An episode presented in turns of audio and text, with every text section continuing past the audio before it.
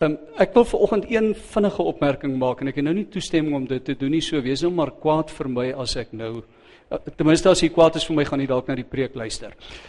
Mens hoor soms, mens hoor dikwels die argument in Bybels wat vroeër jare gepubliseer is, is Jesus in die Ou Testament raak gelees.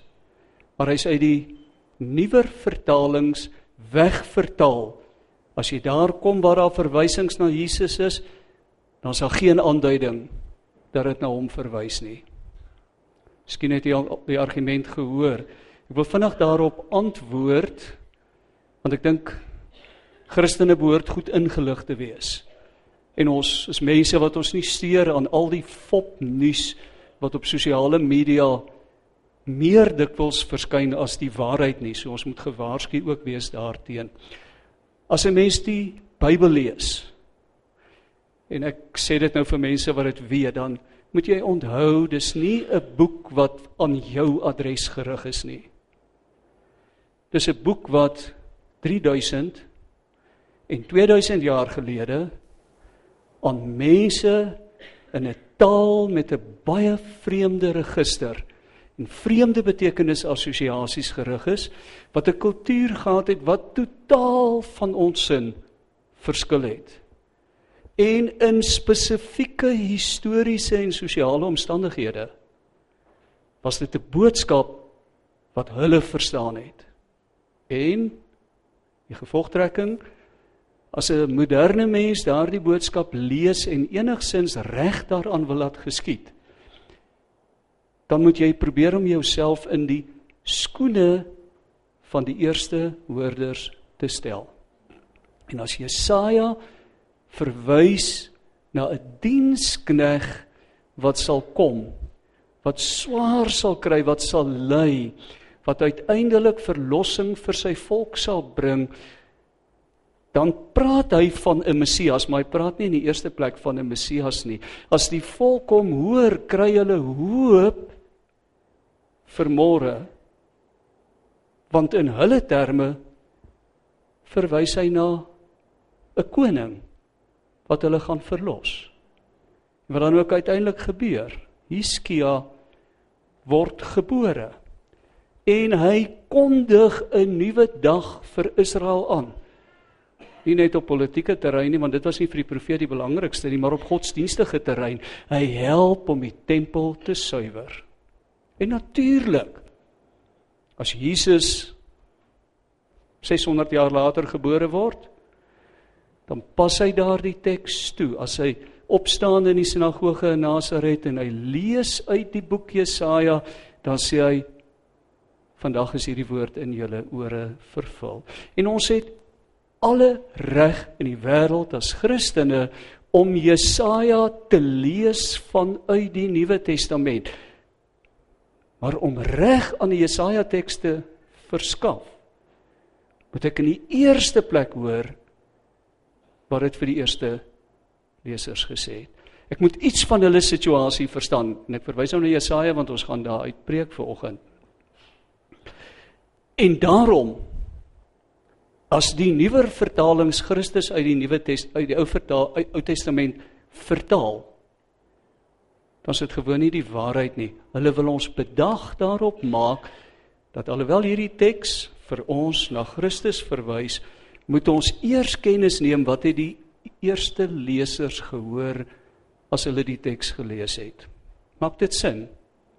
Die volgende jaar verskyn 'n nuwe vertaling wat baie meer direk is vir die Bybelgenootskap en dit gaan in twee formate verskyn.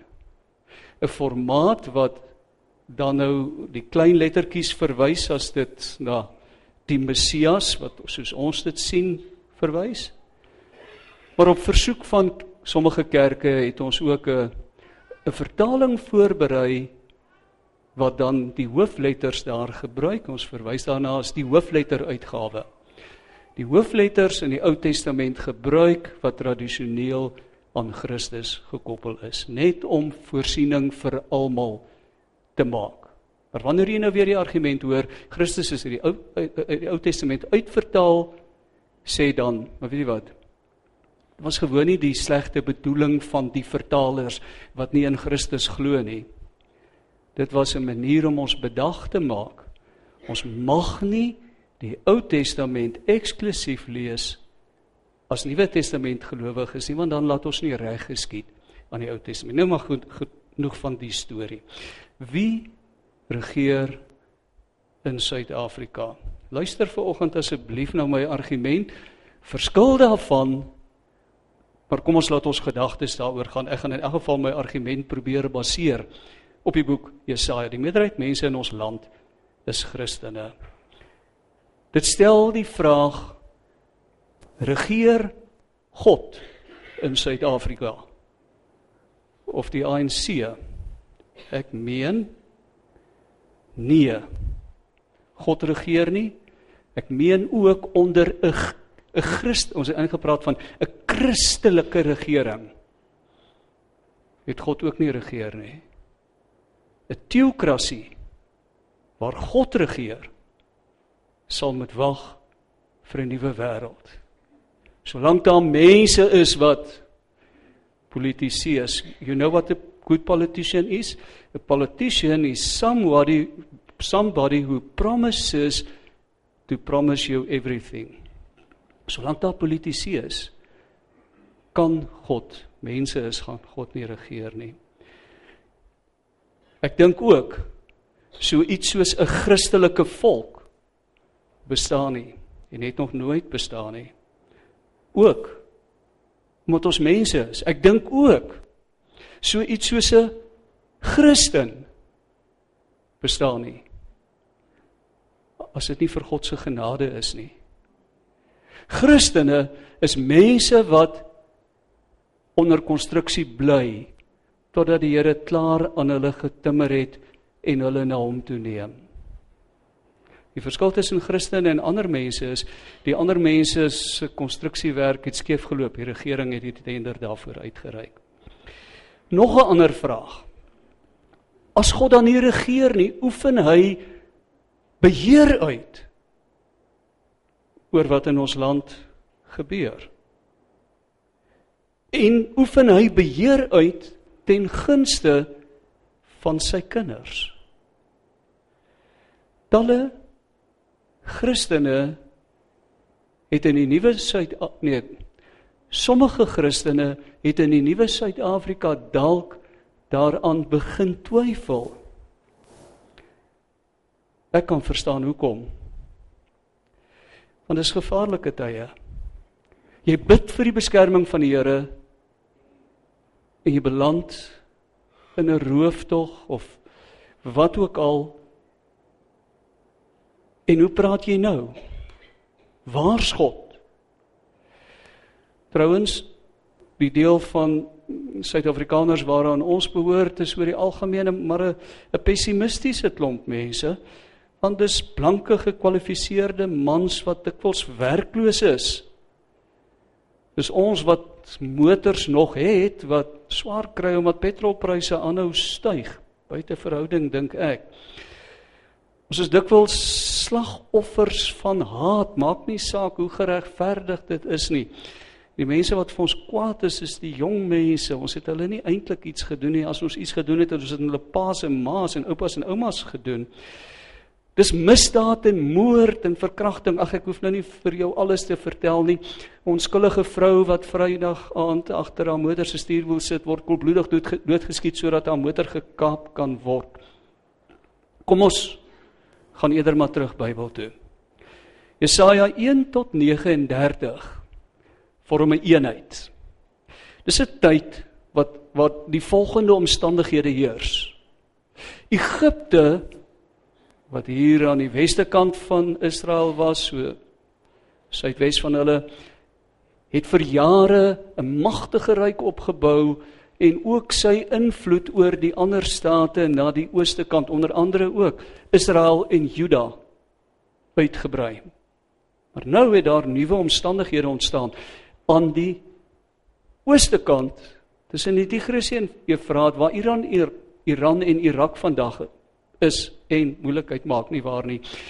As die Assiriërs en die Assiriërs het al hulle stamme uiteindelik verenig onder een koning. Hulle het al hoe sterker geword en hulle het hulle mag al meer na die westerkant uitgebrei.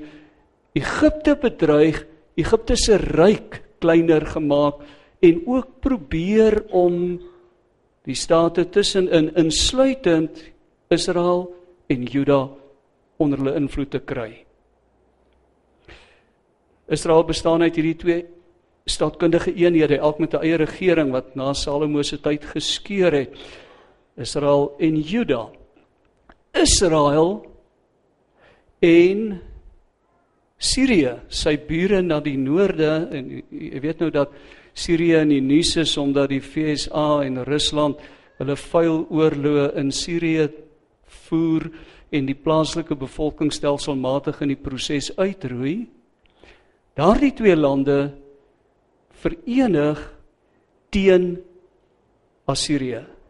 Hoor nou mooi die politiek. Juda se koning sê ons bly polities neutraal. Ons wil nie betrokke raak by hierdie vuilspel nie. Hulle sê vir hom help ons. Hoe sterker ons is, hoe groter is ons kans dat Assirië ons nie kan onderwerp nie. Juda sê ons wil nie. Uiteindelik val hierdie twee lande, Sirië en Israel vir Juda binne en probeer hulle onderwerp. Enorme oorlog, die sogenaamde Siro-Efraimitiese oorlog. Dit eindig onsuksesvol. Agas is die koning van Juda. En dan nadat die oorlog onsuksesvol geëindig het, kom Jesaja in opdrag van die Here by koning Agas. En hy sê vir hom die oorlog is nou voorlopig verby, maar let op, is net voorlopig. Hierdie twee volke gaan jou weer aanval. Hulle is op pad om jou aan te val. Hulle sê kom ons val Juda binne, jaag sy mense die skrik op die lyf. Kom ons veg ons pad oop tot in Jerusalem en stel die seun van Tabial aan as koning. So sê die Here hierdie inval sal nie sal nooit gebeur nie.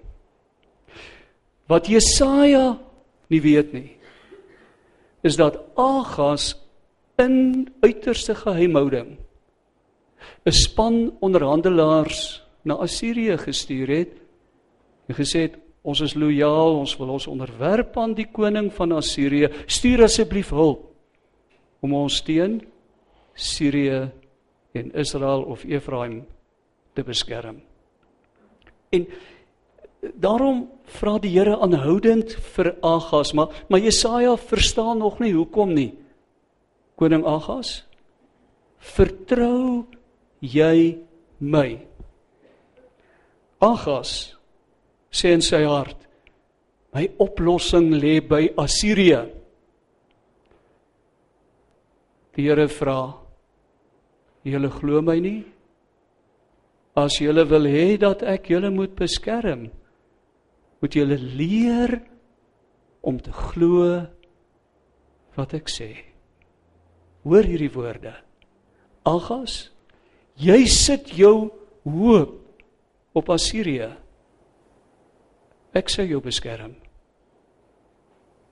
Dan Jesaja 8.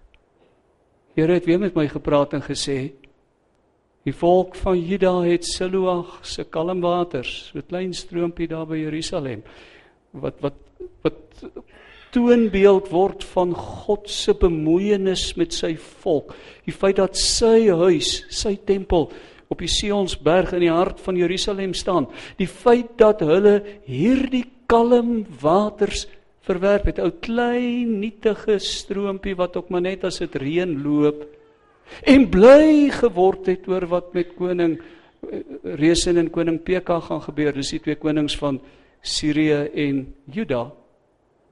Daarom sal die Here hulle oorweldig met 'n magtige vloed. Efraatrivier is 'n magtige rivier. Hulle dink die Efraatrivier sal hulle kom help. Maar die Efraatrivier, die koning van Assirië en sy magtige weermag, hierdie rivier gaan oor sy oewer stoot en oor al sy walle spoel. Die vloed sal Immanuel se land. God is met julle. Dis mos wat dit beteken. Sal die land wat aan God behoort en waar God met sy volk is oorspoel van die een kant tot die ander kant toe. Met my volk my verwerp op Assirië vertrou verwerp ek hulle. En dis die boodskap van Jesaja 1 tot 39. Juda hier lê die oplossing van julle nood. Die Here het in die sterkste terme Jesaja 8 vers 11 skuis vir die ouens wat in hulle Bybel volg. Die Here het in die sterkste terme vir my verduidelik. En hier kom hierdie belangrike woorde. Moenie dink soos al die ander mense dink nie. Moenie jou siel verkoop aan wat mense om jou sê nie. Moenie toelaat dat hulle jou hoop steel nie. Moenie dat hulle jou geloofsperspektief vernietig nie. Vers 12: Moenie bang wees dat een of ander plan wat stilletjies beraam word, julle einde sal beteken nie. Moenie vir enigiets of enige iemand bang wees nie. Behalwe vir die Here, die Almagtige. Volk van die Here. As daar iets is wat ons in hierdie dae moet hoor, is dit 'n eeue oue boodskap gerig aan die adres van Juda wat bedreig word deur twee magte waarteen hulle geen kans het nie. Moenie vir enigiets of enige iemand bang wees nie behalwe vir die Here die almagtige hy alleen is die heilige een as jy hom vrees hoef julle vir niemand anders bang te wees nie. Hy sal julle veilig bewaar. Party dae het ek myself gevra veilig bewaar in hierdie land. Die Here sê vertrou my. Ek hou my hande om jou en ek sê jou dra tot jy veilig voor my troon staan want dis waar ek jou wil hê. Ek het jou op die oomblik in Suid-Afrika nodig, baie nodig en gegee die krisisse waardeur die land gaan. Ek het jou inspraak en jou gebede en en en jou mooi gesindheid in hierdie land nodig. Ek het jou nie bedoel vir hierdie wêreld nie, ek het jou bedoel vir my wêreld. Die teokrasie. Daar waar ek uiteindelik gaan regeer. Hy sal julle veilig bewaar, maar vir Juda en Israel sal hy 'n steen wees wat mense laat struikel en 'n rots wat hulle laat val. En vir die inwoners van Jerusalem sal hy 'n vangnet wees waarin hulle verstrik word. Assirië of Efraim of Sirië of Egipte Juda is nie julle grootste vyand nie. Julle het julle grootste vyand geword toe julle julle oë van die Here, die Almagtige afgehaal het. Hoor die woord van die Here. Jesaja het nie 'n boodskap van heil vir sy volk gebring nie. Dit sal sleg gaan met Juda. Nogtans bely die profeet in 'n oomblik waarin hy self twyfel aanspreek. Ek wil wag op die Here. Hy sal ons help. Alhoewel hy weggedraai het van die mense van Israel. My enigste hoop is op hom. Hoe kan vra jy dalk? Hoe kan Jesaja so praat? Hy kan. Want Jesaja se storie begin in Jesaja 6. Hy sê in die jaar wat koning Usia dood is, het ek die Here gesien. Sy troon was hoog en verhewe. En die soem van sy kleed het die tempel gevul. Rondom hom was serafs, een of ander hemelwese wat van ons onbekend is. Elkeen met ses vlerke met twee hulle gesig toegemaak met twee hulle voete bedek met twee hulle gevlieg. En het in 'n groot koor gesing: Heilig, heilig, heilig is die Here die almagtige. Dis al wat hulle doen hulle lewe lank. Hulle sing heilig, heilig, heilig is die Here die almagtige en dan hierdie woorde die hele aarde is vol van sy heerlikheid. Mense wat glo dat die aarde gevul is met die Here se teenwoordigheid en met sy heerlikheid kyk anders na wat in hierdie wêreld gebeur, ook na die gemors wat politici kan aanjaag. Kyk hulle anders. Jesaja het God in sy almag gesien. Hy het vertrou dat God in beheer is.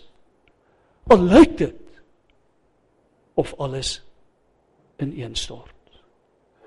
Skus aan die dokter in ons midde. Maar as 'n mens hospitaal toe gaan, is jy party dae so gesond soos 'n vis in die water, jy voel so. En as die spesialis met jou klaar is en jy die teater kom, jy daar in die ICU lê met 'n klomp masjiene aan jou gekoppel en jy's by genoeg dat jy kan dink wat dikwels nie gebeur nie, dan vra jy wat op aarde het ek aangejaag. Kyk hoe lyk ek, kyk hoe voel ek. Hoekom het ek dit laat doen? Want ek vertrou die spesialis. Hy gaan deur sy chirurgiese ingrype wat voel of dit my dood maak, my lewe red. Christene word gekenmerk deur die geloof dat al lê Suid-Afrika in die ICU En dis nog net 'n klompie masjiene wat hom aan die lewe hou en die krag van Eskom gaan dalk nie lank genoeg aanbly dat die masjiene die ou se lewe red nie. Sal God uit wat in hierdie land gebeur iets goeds laat verrys. Neem hy mense, sy kinders deur hierdie land veilig tot in die nuwe wêreld. Die hele aarde is vol van u heerlikheid. Ek hoor dit nie, maar ek dink ek sien dit by sommige gelowiges dat hulle lewensingesteldheid en hulle woorde verraai dit en hulle dade dalk ook dat hulle met 'n lewensingesteldheid sê ek glo nie ek kan God meer vertrou vir Suid-Afrika nie. Hierdie land het in 'n terminale toestand beland. Watter toekoms bied hierdie land vir my, vir my kinders? Dis belangriker. Vir my kleinkinders, vir boere, vir besighede. As die regering klaar is met op instigasie van die EFF met grondhervorming wat mense in aanhalingstekens sit sonder vergoeding is daar dalk nie meer so iets soos grond wat ons nog kan hervorm nie omdat daar nie meer boerderye gaan wees nie. Belasting en misdaad en geweld en politieke onverdraagsaamheid. Donderdag gaan ek vir 'n oomblik biblioteek toe ek het tydjie wat ek nie kantoor toe kan gaan nie omdat my die mat in my kantoor gewas word nou blaai ek deur die koerant. Die bibliotekaresse kom staan by my en gesels en sy sê daar was 'n tyd wat ek moes kies tussen geloof en die koerant. Want hulle kry elke oggend 'n klomp koerante by die biblioteek. Ek sê hoe so? Sy sê want In die oggend as is gewoonlik maar 'n tydjie iewers dan blaai ek deur die koerante en dit het my geloofsperspektief soveel benadeel dat ek op 'n stadium gesê het ek moet of weet van al die negatiewe goed wat in ons wêreld gebeur of ek moet met die Here in kontak bly. Ek moet as ware werklikheidsvreemd word deur my ore te sluit en my oë te sluit vir ander se opinies en lewensingesteldhede van pessimisme en moedeloosheid. En ek moet dit ook sluit vir al die negatiewe goed wat gebeur sodat ek kan aanhou bely. Die aarde is gevul met u teenwoordigheid en met u heerlikheid Ek wens ek kon vanoggend kom sê Christene, die einde is in sig vir ons. Die lig is besig om deur te breek. Ek kan nie behalwe as ek 'n vals profeet is, die onderskeid tussen ware en vals profete in die Ou Testament was vals profete het kom vertel van voorspoed en welvaart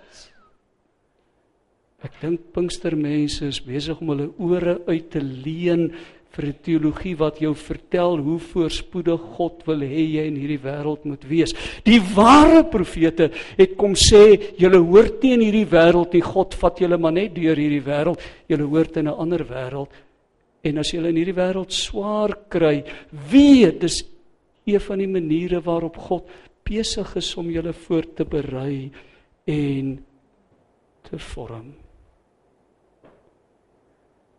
Dalk wag daar nog meer moeiliker dae. Dalk wag daar selfs vervolging vir mense wat hulle geloof in Jesus bely.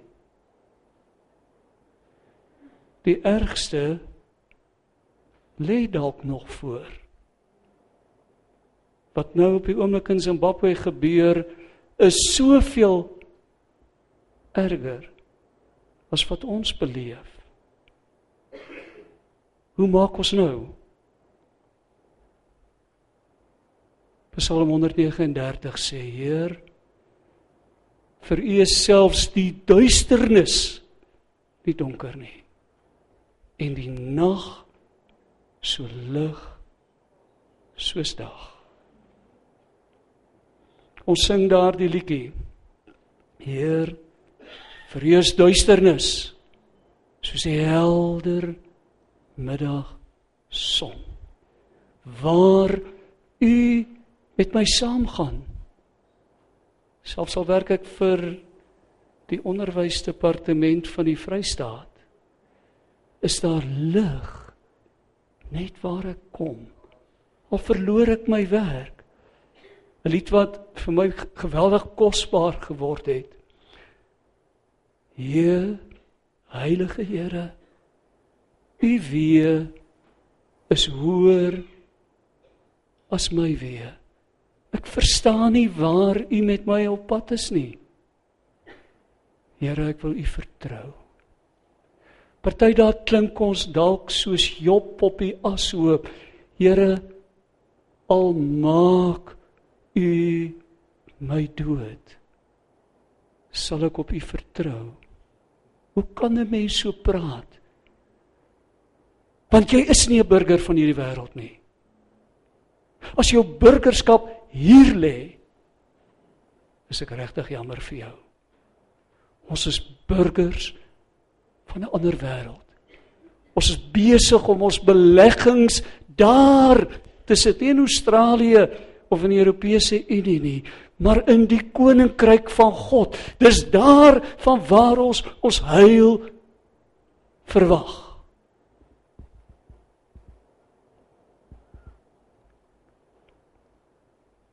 Jesaja 8 kom praat met sy volk en hy sê hoekom probeer julle uitvind van die wat die toekoms inhou? Deur by allerhande ander te gaan luister. Moenie na hulle gefluister en gemompel luister nie. Kan die lewenis by die dooies hoor wat die toekoms inhou? Hoekom vra jy nie eerder jou God nie. Gaan terug na wat die Here gesê het. As julle julle nie daaraan steur nie, is daar geen toekoms vir julle nie. En dan sê Jesaja, wat wag vir hierdie volk? Julle sal as gevangenes weggelei word.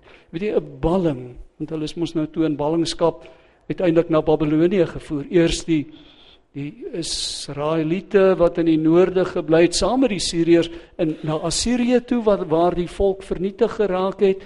Later die Judeërs na die opvolgers van die Assiriërs wat die Babiloniërs was. As balling het jy geen reg gehad nie. Jy was 'n slaaf. Slaaf het aan iemand behoort. As jy kwaad is vir jou slaaf en jy slaan hom dood, is dit jou eie skade. Jy maak nie jou eie skape dood nie want hulle is vir jou geld werd. Jou slawe is vir jou geld werd. Hulle is dinge. Hulle is besittings. Jy het geen regte nie. Daar sal jy moeg en honger wees en omdat hulle honger is, sal hulle hulle vuis teen die hemel oplig en hulle koning en hulle God vloek. Hulle sal sê u het ons nie gehelp nie. As julle julle nie steur aan wat ek julle sê nie, gaan die dag kom dat julle God vloek. Waar hulle ook al kyk, sal daar net moeilikheid en angs en wanhoop wees. Mense sal in die donkerte uit gegooi word.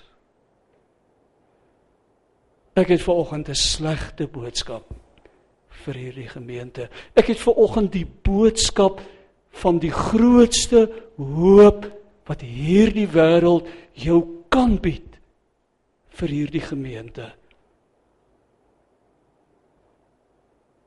En dis die woorde van Jesaja 8 vers 13. Ek sluit daarmee af. Moenie vir enige iets of enige iemand bang wees nie. Behalwe vir die Here die almagtige.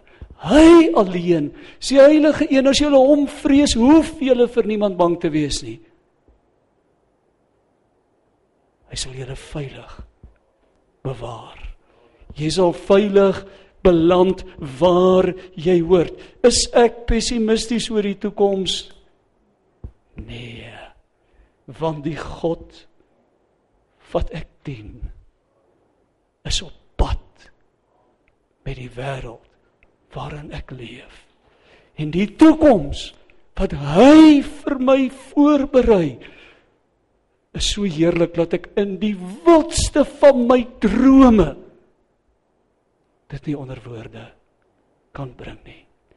Trouwens, as hy so by geleentheid prentjie van sy teenwoordigheid oopskuif, kan ek nie anders as om in tale uit te bars en hom te aanbid vanuit my hart nie want Afrikaans is nie geskik om oor my God en sy toekoms vir my te praat nie. Amen. Hemelse Vader, baie dankie dat u in ons wêreld is. Ons leef 'n heilige wêreld. Waar ons ons voet sit, is dit heilig. Baie dankie dat u hier regeer. Baie dankie dat u hier doen wat u wil. Help Sion dat ons bewus van u teenwoordigheid leef. Dat ons onsself doelbewus onder u heerskappy, onder u beheer stel. Alles wat ons doen en alles wat ons sê, doen ons voor die Here want ons leef in die Here.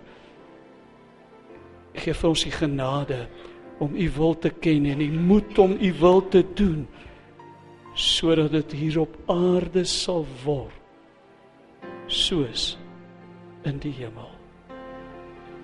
Amen.